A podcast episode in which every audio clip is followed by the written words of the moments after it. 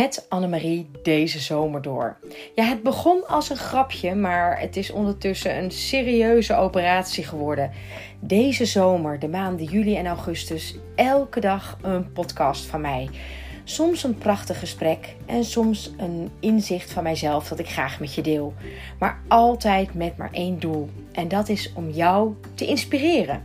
Mijn naam is Annemarie van der Tillaert en ontzettend leuk dat je luistert naar mijn podcastkanaal Topvrouwen. Misschien ben je nieuw, misschien luister je altijd al. Maar hoe het ook zij, ik vind het leuk dat je er bent en ik hoop dat je mag genieten van deze zomerserie.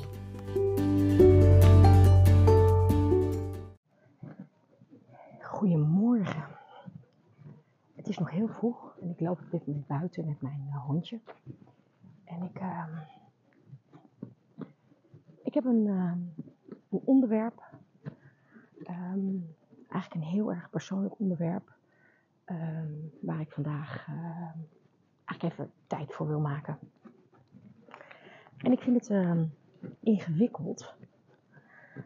Um, wat mag je namelijk van jezelf zeggen dat je vindt dat je eigenlijk veel aardiger geworden bent dan een paar jaar geleden terug.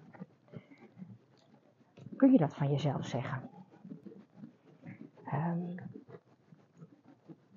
Toch is dat precies het onderwerp waar ik het vandaag um, over ga hebben met je. Ik ben serieus zoveel aardiger geworden um, dan dat ik was. Ik ben zoveel relaxter geworden dan wat ik was. En ik voel me zoveel meer vrijer. Terwijl ik nooit het idee heb gehad dat, ik, um, dat ik gevangen was. Um, even terug. Ik ben ondertussen bijna drie jaar geleden gestopt met werken binnen een corporate. Um, het was uh, de zomer van 2020. En um, weet nog heel goed, in die zomervakantie dachten we allemaal dat het best zou meevallen met die hele corona-ellende. Ehm, en mensen gingen weer op vakantie en we dachten van nou, we hebben het ergens waarschijnlijk alweer gehad. Niet wetende wat er voor uh, najaar en vreselijke winter er zou volgen. En nog eentje trouwens, eh, voor that matter. Maar goed. Ik weet nog precies, het was de zomer van 2020. En um, wij waren gewoon in Nederland op vakantie gebleven. Hartstikke leuk overigens dus dat, uh, daar gaat het helemaal niet om.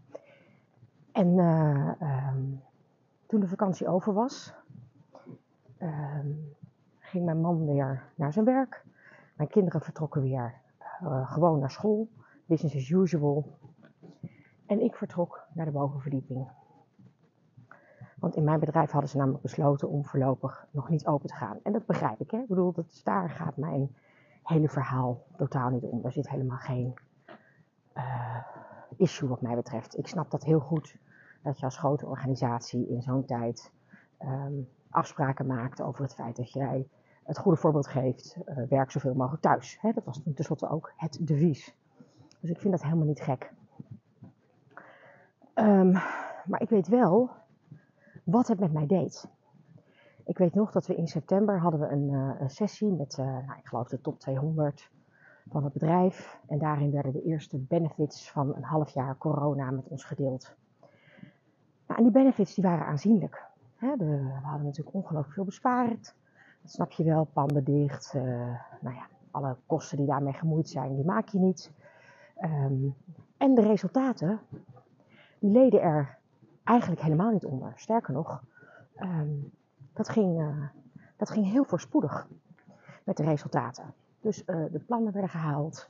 Um, dus het leek wel alsof iedereen nou ja, gewoon lekker zijn draai had gevonden in een half jaar thuiswerken.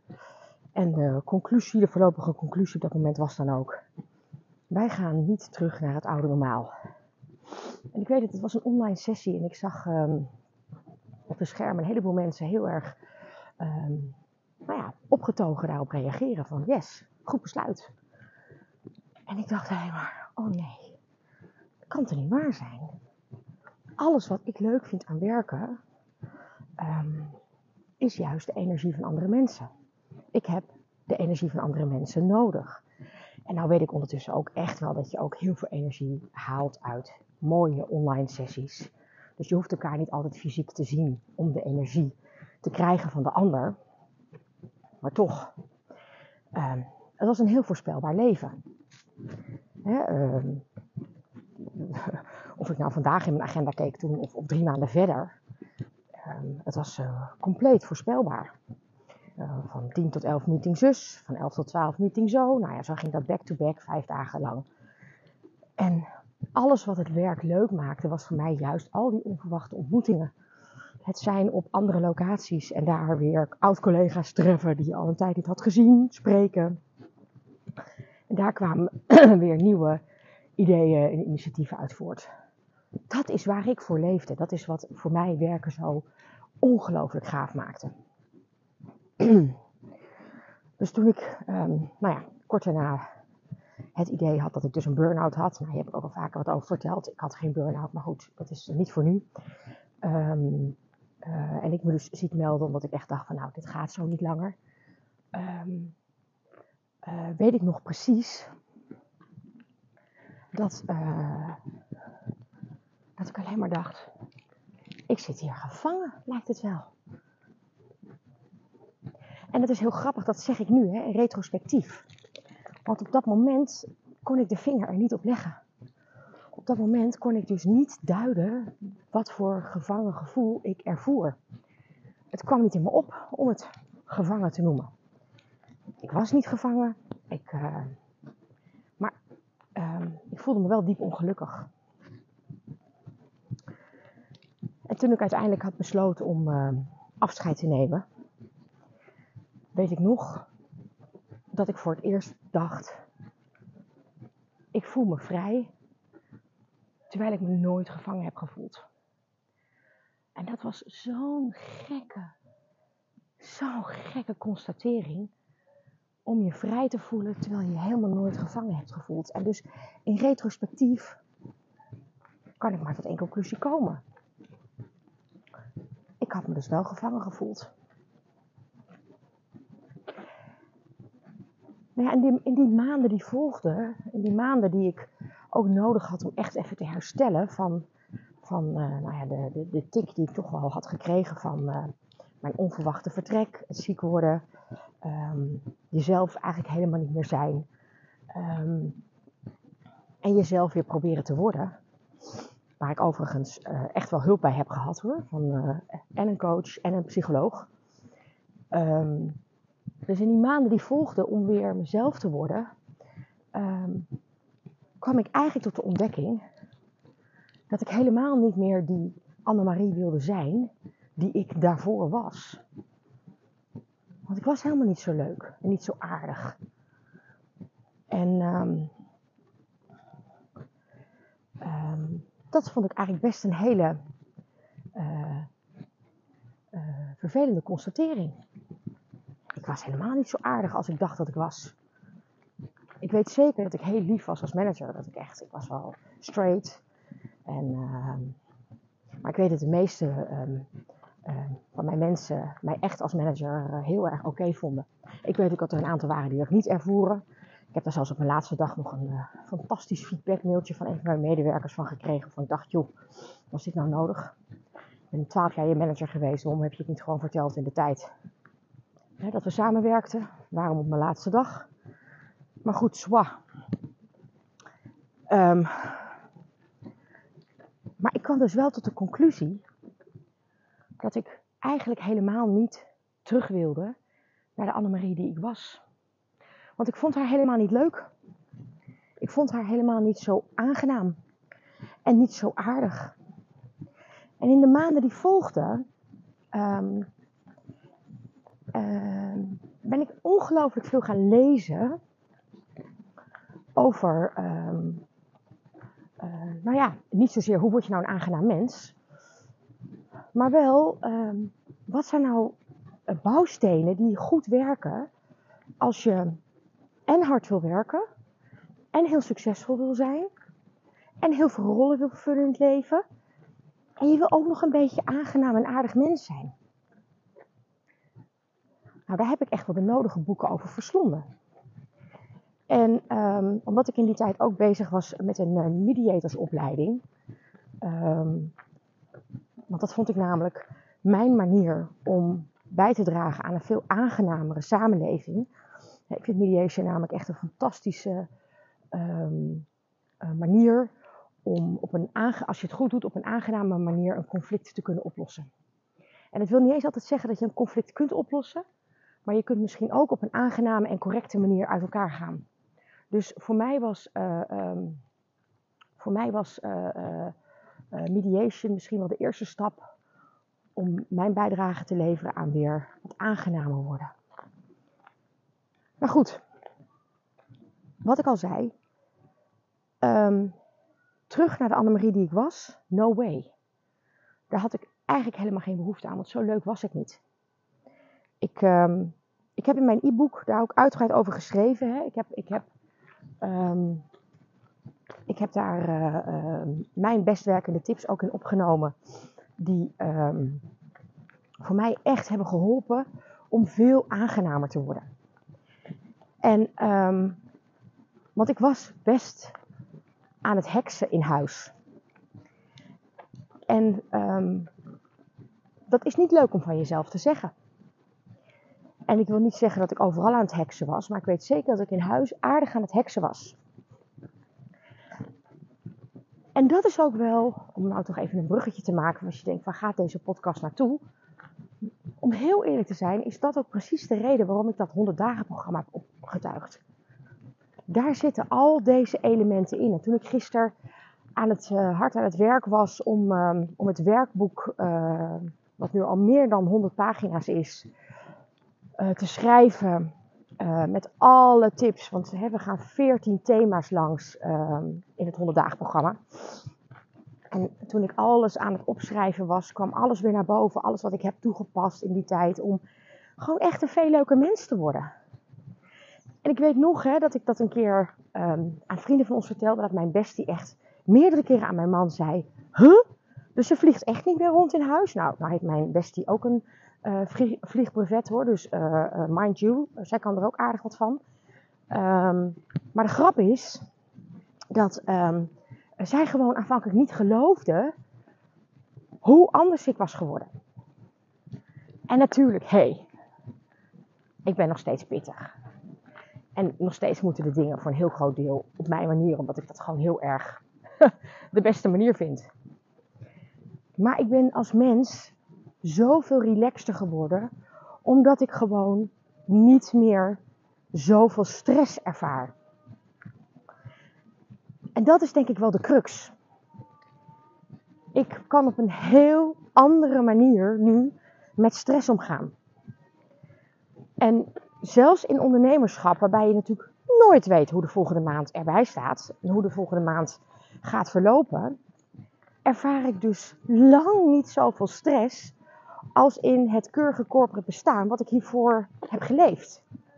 Daar ervoer ik permanent stress. En, en, en juist daarom ook in die honderd dagen heel erg veel aandacht en tips vooral. Tips goed werkende methodes um, hoe je um, echt wat kan doen aan die stress. En het begint dus hè, met jezelf eens goed in de spiegel aan te kijken. Ik zei het in een eerdere podcast al. Een goed fundament neer te leggen. Fix de basics. De basis op orde. En van daaruit opbouwen. Waar zitten je ambities? Waar zitten je dromen? Wat wil je met je eigen bedrijf of binnen jouw organisatie? Waar zitten jouw ambities? Hoe groot zijn ze? Deel je ze? Of loop je er gewoon in stilte mee rond? Hardwerkend, resultaten neerzettend. In de hoop dat het allemaal wel zichtbaar wordt. In hoeverre maak je gebruik van anderen? In hoeverre laat je je coachen? Want als ik één ding wel heb geleerd, is hoe essentieel het is als iemand gewoon met je meekijkt.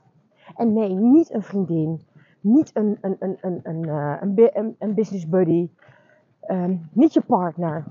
Gewoon iemand die alleen naar jou kijkt.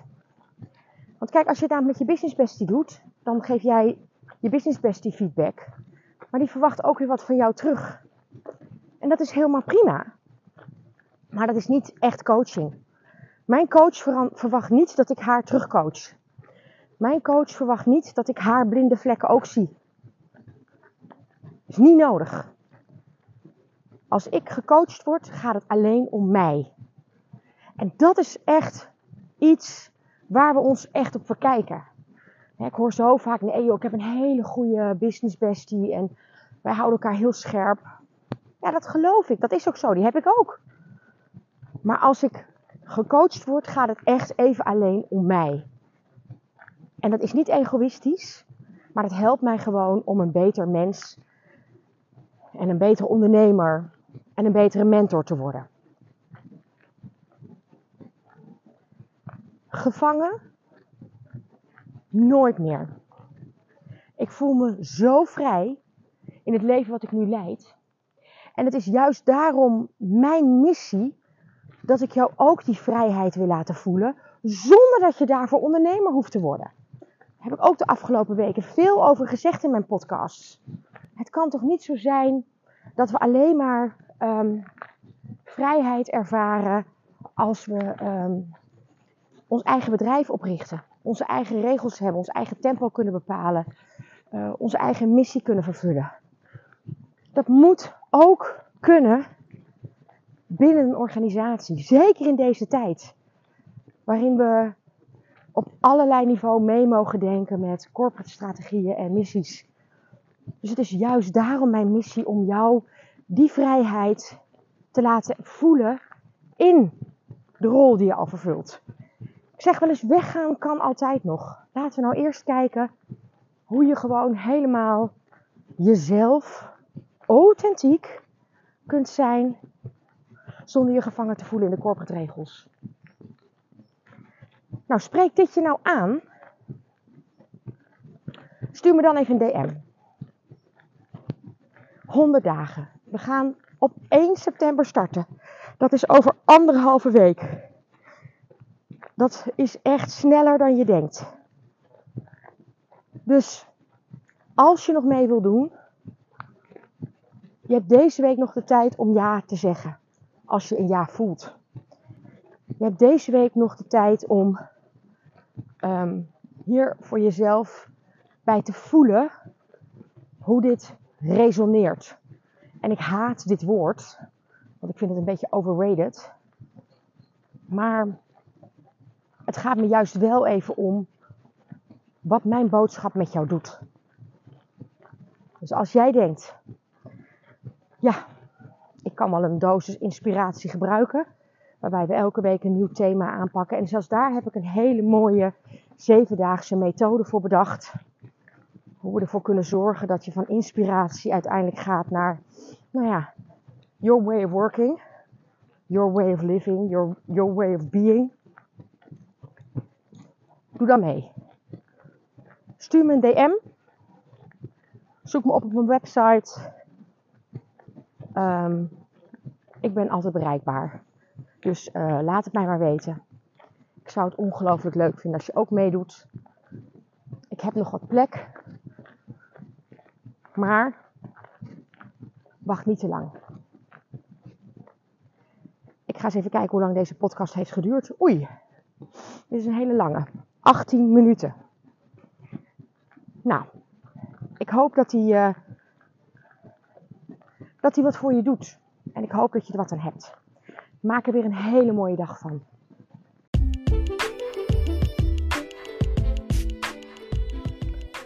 Wat ontzettend leuk dat je geluisterd hebt naar weer een nieuwe podcast in mijn zomerreeks. Elke werkdag in de maanden juli en augustus een nieuwe podcast live.